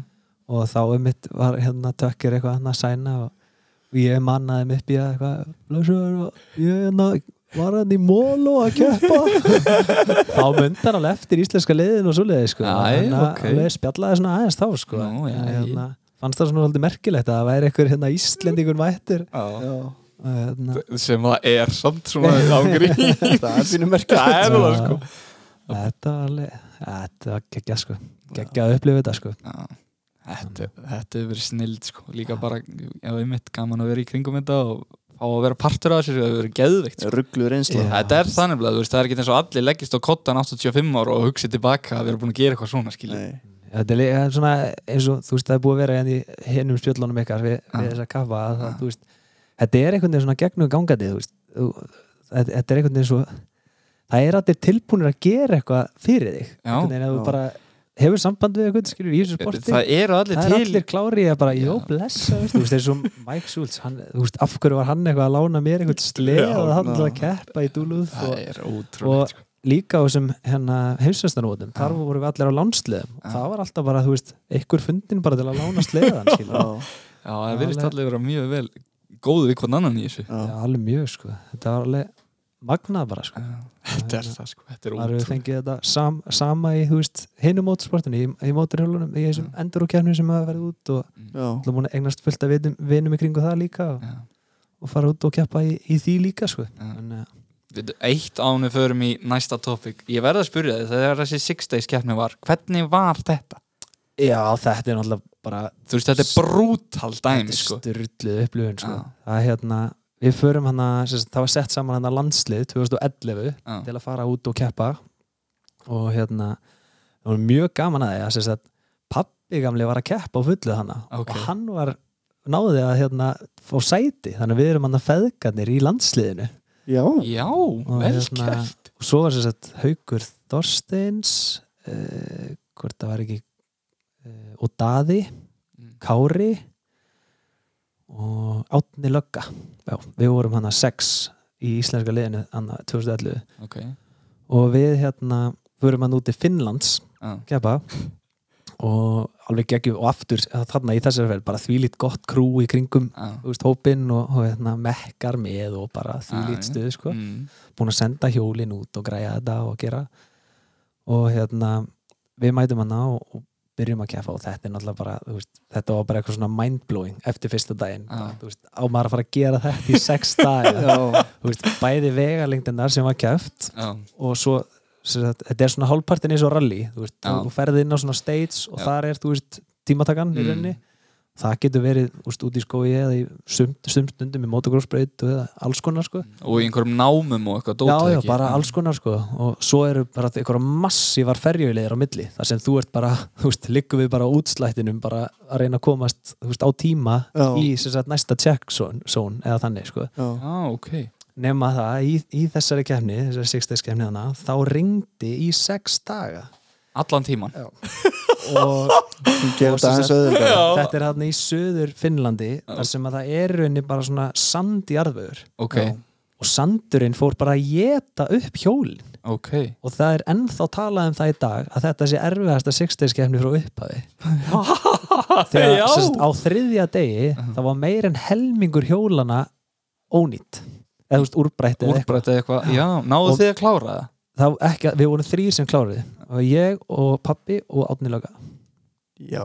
held ég pot- allan ég og pappi og ég held að þessi er rétt munað átnilöga Já. Kári og Daði duttu báðir út á fjórða frekar fymta degi Mm. og Haukur var held ég dottin út á undan því Já. hann datt og eitthvað krassaði Ég- Kári breytt úr Man eftir þessari ferð, það var ægilega góð umfjöldun um þetta líka Já, við vorum mjög döli en, en Þorri bróður hans Kára var mjög dögulegur að skrifa Já. veisla og Mhm. halda út Facebook síðu og alls konar og, og Einmitt. hérna og ég sko enn þann dag í dag skil ekki hvernig kafinn minn kláraði þessa keppni sko. Við erum að tala um það sem sagt, síðasta daginn þá var hann orðin það illa farinn að það er náttúrulega í Já. þessu. Eh, nei, nei, byrju, það var ekki mengun, það var sagt háa Háapróf, já, já. Þannig að, að sagt, ég kem inn í pitsvæði þannig og það er náttúrulega bara glamrandi hjólið sko. og svo sagt, var mér tilkynnt það í pitsóninu að sagt, þegar ég myndi keira út þá er ég soundcheck. Ok, og ef ég fjalli þá náttúrulega fengi ég ekki halda áfram. Og, og þeir eitthvað bara shit og þá þá komin alls konar tricks. Þá var farið að setja þeir voru fann að klippa niður slöngur Mm. og setja yfir pústin til að dempa þú veist, yfir hljóðkútuna. Já, bara alveg hlaða bara gummi bara utan á kútin Ok. til að dempa niður hljóðið. Já. þá var búið að raða hann einhverju drastli og það duði ekki til. Þannig að, rétt, að það var sem sagt, mekki úr einhverju öðru liði sem að hleypur hann yfir og bara, já, bara kerðu, kerðu í áttina Jacksonu eða soundcheckiru og svo bara rétt áður inn í fyrir og tekur hann mótorolíubrúsa og bullar bara inn í hljóðkútin bara mótorolíu. og kafið náttúrulega bara og og ég fyrir í soundcheckið og þeir bara eitthvað mm, ekki sáttir við þetta. En það náttúrulega hérðist ekkit í hjólinu þannig að þeir bara eitthvað "Já, áfram með þig." Og svo þú veist keiri ég Bara örugglega- eins og láskía já, já, bara, bara það bara mökkurinn úr hjólinu hana, þú veist, næsta kílómetrin og hjólinu alltaf hálf gekk bara eiginlega ekki. Svo allt í hennar reynsaðist þetta úr sér og þá enna glamraði það áfram og kláraði kefnina. Lilla tryggs þetta var rosa. Hessi kann að redda sér. Já, og þá voru hérna þá voru þarna kablar í þessum brautum og brekkur sem bara Já. veist, alveg Mér, mér langaði með að spyrja út í það Ég hef hort á mörg 6 days video og suma brekkurnar eru bara rugg Hvernig gekk þeir að fara upp þetta? við vorum alveg ótrúlega veist, bara vel stattir í þessu sko, Já. veist, við vorum alveg vanir, þú veist, svona bulli sko, Já, þannig að veist, það voru margir í munverri málum Já, við, aha, sko. ok. já, já. og við endum hann alveg bara í nokkuð góðum málum sko, Já. Fyrir utan það mistum náttúrulega það marga en sem sagt, svona allan minni mig að þú veist ef við hefðum fræðilega séð haldið mönnum inni Mm. veist, og klárað eins og vorum að klára Mm. þá hefðum við bara endað alveg bara á býstna góðum stað sko. Já, ok og hérna en svo, svo árið eftir fyrir við aftur á 60 og þá var það í Þískalandi Já, það var náttúrulega bara allt annað veist, það var bara sólublíða og bara geggjað og hérna og bara, já, aftur náttúrulega klikkuð upplifun sko, Mm. en, en það var svona kannski réttari mynd af þessari Já, hitt sko.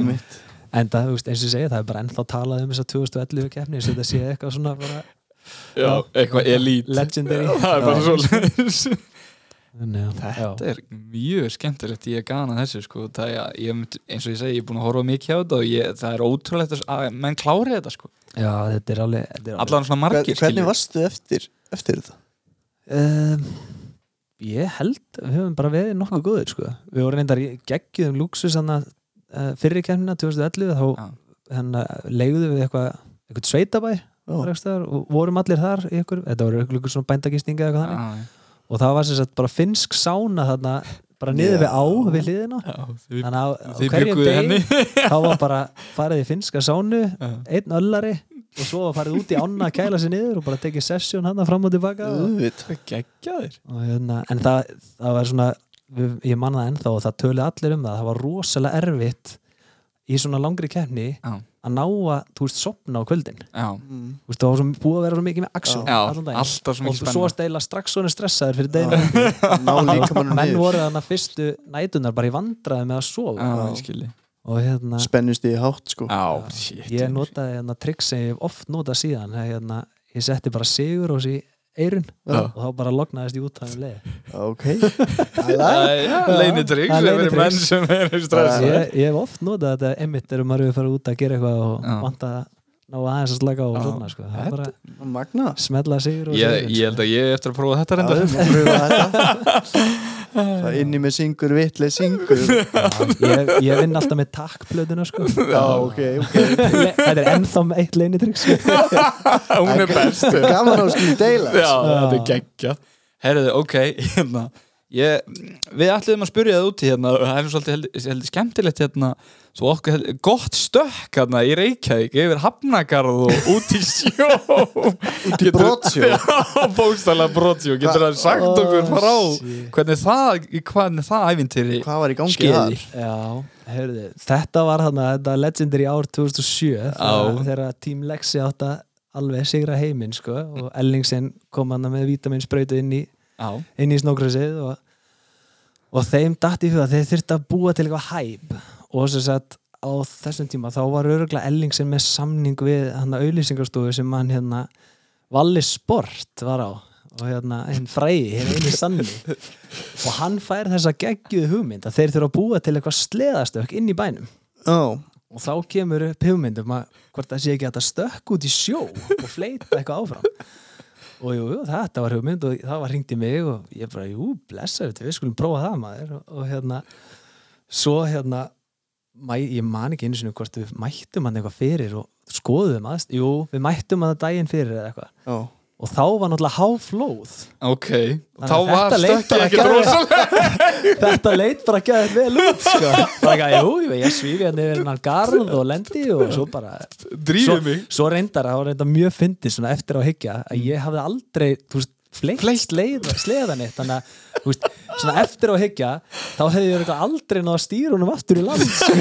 Þú er bara fleitt beint einhvern tíu þannig að henni hefur bara stoppað Orðið sko. bensinlaus og svo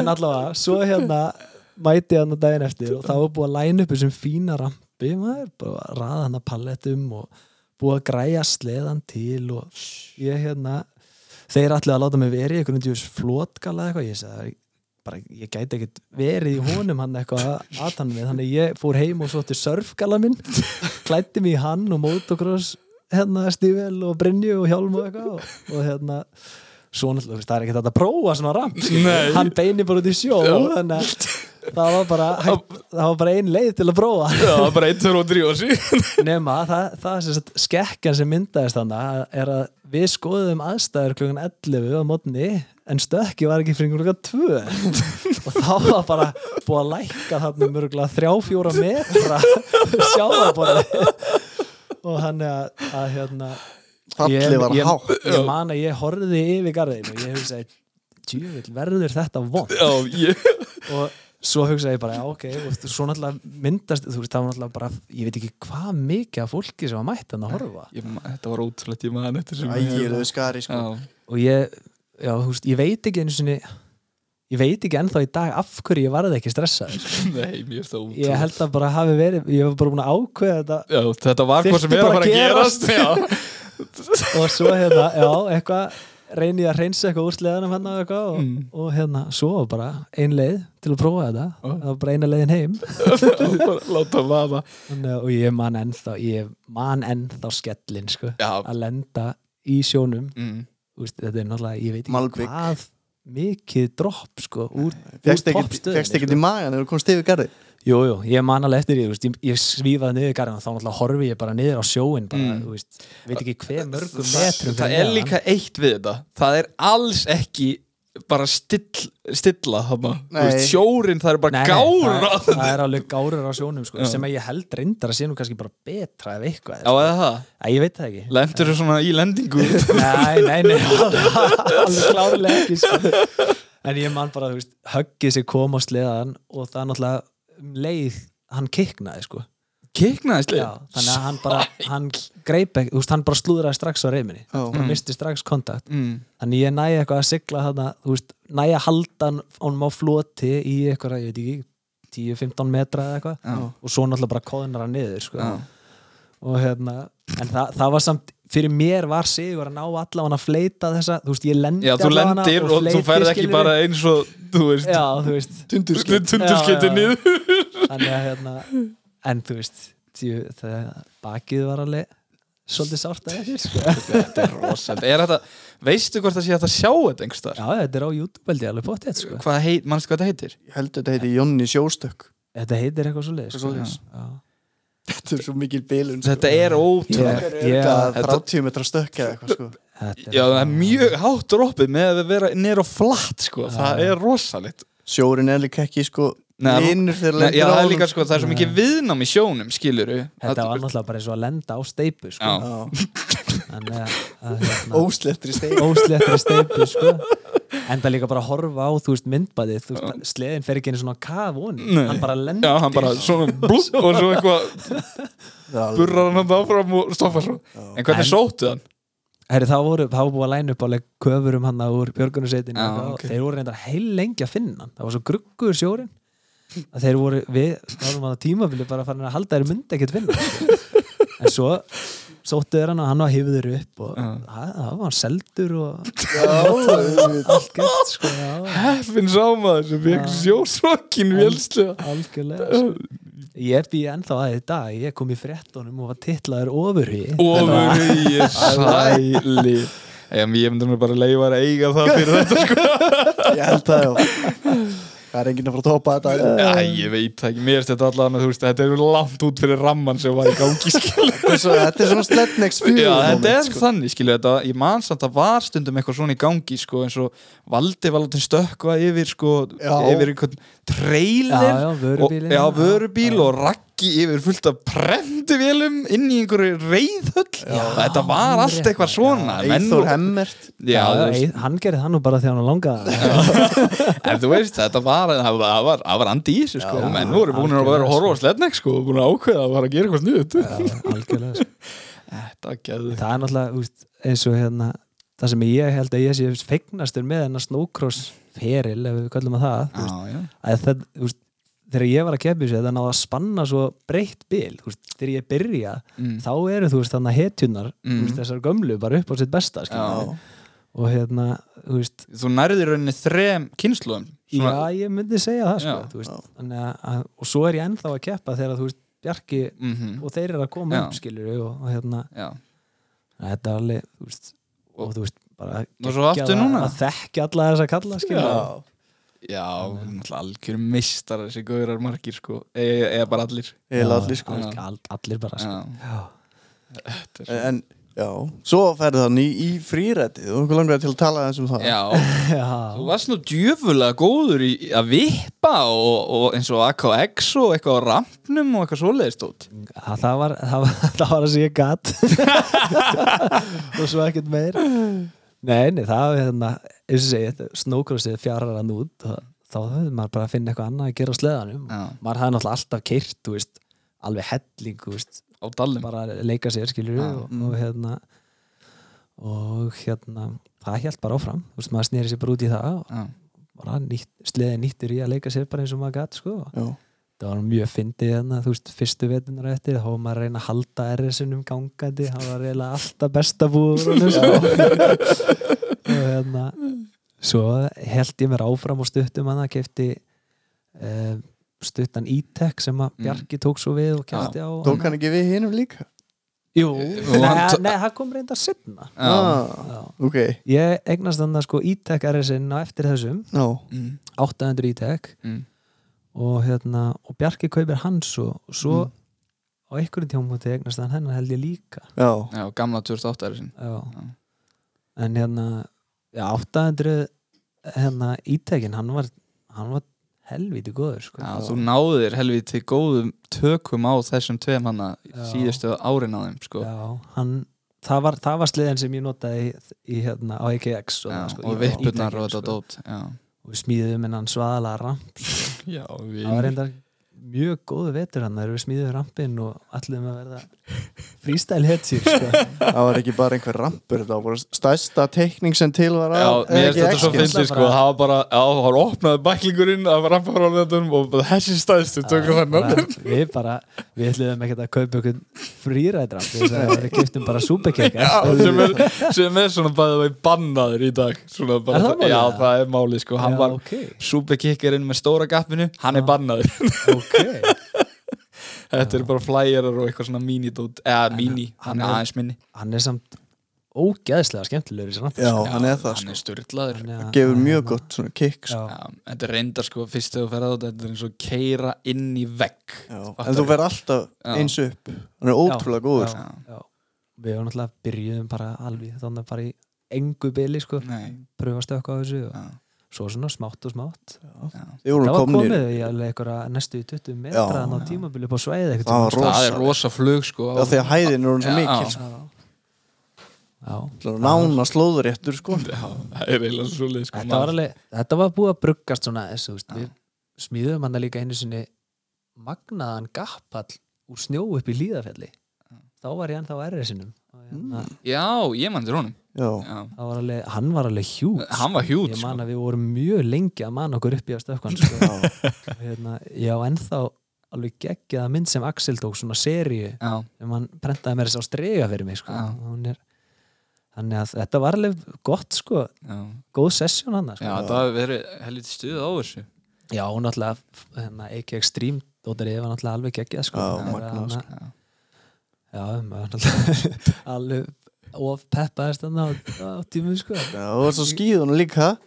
Já, Og snjóbretti, Já, eitt árið. það var þarna eitt árið sem að ég kefti á skýðum og sleða mm. og svo fannst okkur mjög sniðið þetta að ég myndi taka eitt stökk á snjóbretti líka. Þannig Allt smúlíkt. Það var ekki ekki, ég, já, ég tók sl, var sleða kongur hana eitt árið og svo skýðakóngur árið á eftir. Já, Magna magnaður þannig að það var Elvítis þetta var göttur Helviti skoturinn Nei, það ætla, ekki ekstrím það með náttúrulega bara geggja sko. ég, það er svona eitthvað sem maður ólst upp með sko. ég, þú veist, þegar ég var krakki Já, þeir var- þá að stökku á rampnum þar já, þá var frændi minn sem sagt á fullu á snjóbretunum sko. Og hérna, ég man alltaf eftir hann vann eitt ekki ekstrím, Elli heitir hann hérna frændi minn mm. og hérna og man alltaf eftir ringnum sko. Já, ég bara þráði Já, ekkert heitar það en svona ekki ekstrím ring Já, sko. AK Extreme ringurinn Já, þetta var alveg styrla sko. ég veit ekki hvað ég var gammal það var hérna það var djam inn á staðnum þar sem að já, þar sem að Vamos er núna Já. það var einhver staður þar, Mm. einhver alveg suppulegur bar sko og mér var smiklað þar inn örugglega svona tíu ára gömlu með eitthvað og þú veist, bara til þess að fá að sjá þá, þú veist, fagna sigurinu með Já, eitthvað. já, alveg styrla sko. Taka við ringnum já, þannig að það var skuggaleg, það var bara svona dream come true að vera allt í einu mættir hann að keppa á einhver stream sko já Já, það er ekki auðvögt AK Extreme er náttúrulega bara svona legacy skil. Þeir bara byggu til Algjörlega. þetta brand sem að var, er, er bara ódulegt sko. Já, þetta var Algjörlega, sko. rosalegt ég bara vona þeir vona þeir náðis aftur í gangi Já, sko. Sammála því, þetta er ógeðslega skemmtilegt sko. Líka bara fólki sem kemur, þetta er margir meistarar sko. Já. En hérna, við, hérna, Bersveit aðeins hérna, okkur langaði að skjóta hennu inn að hérna, það er sem sagt verið að fara að reyna að endurvekja það sem þið voru oft með, Jónas Summit Jambúri á Snæfellsjökli já, ok Við vorum að spáði að reyna að halda það bara vinirnir, skiluru, einhver tíman Bersveit, varstu komið með einhverja dagsetningu á þetta? Já, sko Það er verið að reyna að, að allan að stemt aðferð sko Já, bara þegar það hlínar Það er að hlýnar eitthvað aðeins í í veðri á, á jökulinu þá á jökulinn, Já. fara og gista þá á Arnarstapa Já, Það er stemt á 4. til 7. júni stemt á 4. til 7. júni og allir velkomnir. Allir, bara endilega. Við auðlýsum eftir skemmtilegu mönnum til þess að grilla og fá sér og, og, og, og keira Og það verður náttúrulega annar kapl út af fyrir sig sko, Já, þið voru náttúrulega eigið geggjuð vídeo og svona dót frá því sko. Sko. já, þetta var alveg klikkaðar helgar sko. Jökullin er alveg magnaður. Já, er það sko. En hérna, ég held að við ættum bara að fara slá botnin í þetta núna Bersin, eða ekki? Jú, ég held að það er bara hérna við getum tala alveg þó nokkuð mikið lengur. Þú færum létt með. Já, en ég hérna já, Já, þetta með Summit Jamboree, það er allan stemt á 4. til 7. júni en, en það verður náttúrulega bara auglist já það verður gefið út uh, nákvæmari dagsetning hérna þegar að nær dregur Já, ekki? jú, þetta verður geðveikt. Það held ég nú. Ég held það. En hérna, Jónas, þú náttúrulega ég hef búin að keira um allt Snæfó, Mývasveit og, og, og Dalinn hérna og bara allstaðar Hvað myndir þú segja að væri svona upp á sleðasvæði þitt?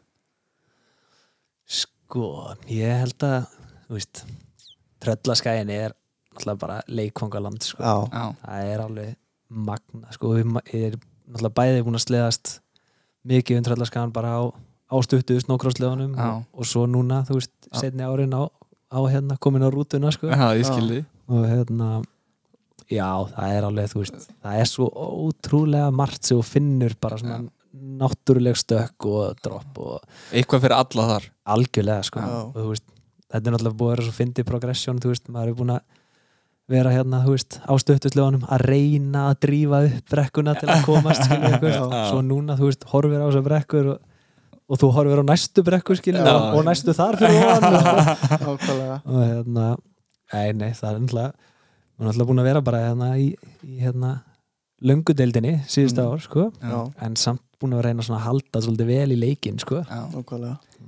Og þú ert nú ekkert búin að vera á neinu uh, drasli á þeim. Þú veist, þessi linksar sem þú ert búin að vera að keira eru búin að vera geggja þér Já, ég fer þannig að eftir ítakslegan Já. stutta, þá fór ég yfir á Bundokker mm. og hann var alveg tekindi kostana sko. Já, ég man Geggjaður eftir alveg að láta hann hafa sko. Já, og hérna og síðan fer ég aftur yfir á Polaris sko. þá Já. hérna, náði gummi að vinna mig aftur yfir sko. Já, og hérna fór það yfir á Próarangá Já, sem var mjög skemmtilegu sliði Mm. og síðan uppfærði ég hann í hérna 2000 og, hvað er þetta, 2019 Próarangá sem ég Já. er með núna 850 Já, 850 sem er reyndar búið að græja alveg tipptof búið að Mm. stýta tunnel og elka allan ringin og auðvitað Hann er græður hann er, hann er alveg klár sko. það er hægt að láta hann finna vel fyrir því sko. Og þú fílar hann í bótt Já, alveg ríkala skemmtilegusli Já, en ég finnst reyndar þessi næsti hann, hann er svona, það er líku við þessu sérst að opna glámblað sko. Það sko, Já, hann er er, það er eitthvað rosalegt við hann sko. Já, það er alveg hárið þessi 1.46 Já, ég er reyndar sko ég lagði inn pöntin á 1.55 sko en Já.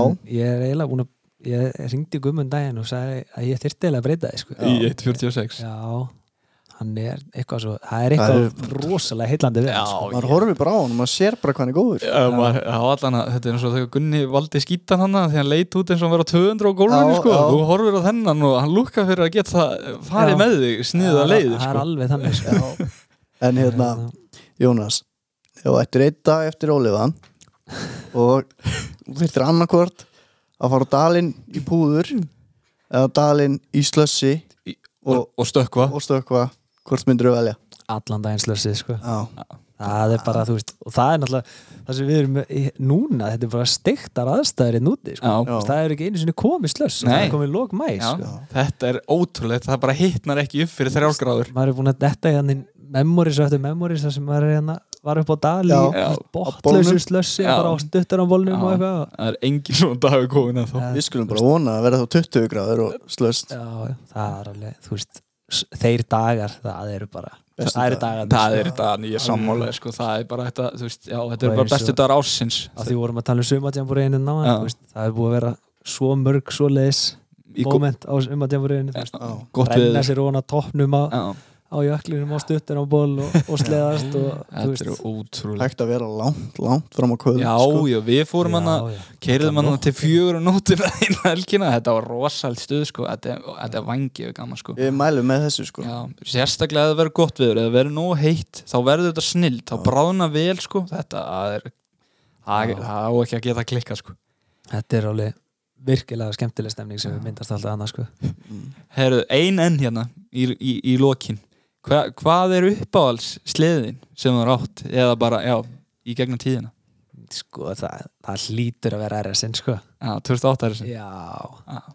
það er náttúrulega bara Þar small þetta. Já, eins og ég sagði veist, það er bara þar smallir það, Já. þú veist. Æfingar og, og sleðin og allt bara, Er lingshjarta stórt? sko já Já, það er það, já, en sko Pollin er þarna sko, hann Já. á yfir veist, Já, það byrjar já þetta byrjar þar. byrjar þar og svo náttúrulega þú veist er maður náttúrulega við gummi erum náttúrulega bræsku vinnir þannig að það, hérna, það er stert sko. Já, og ég elst náttúrulega upp sko pappi átti bara polla eftir polla og Já, þegar við erum í þessu ferðastúsi sko Mm. þá við hann átti alls konar hann ná alls konar afrek sko í, í því sko á gömlum pólarisum eitthvað. Fyrstu manna til að fara út á hotstrandir og sleða og eitthvað svona kjafta Já, ok. Ótrúna slóðir Já, maður það er eplið og eikinn ha, það er bara svona Já, þetta er geðveikt. Já, ég er, ég ánaði með þetta val. Þetta er Þetta hefur verið helvíti gott tæki. Já, já, hann var ítla ljúfur sko.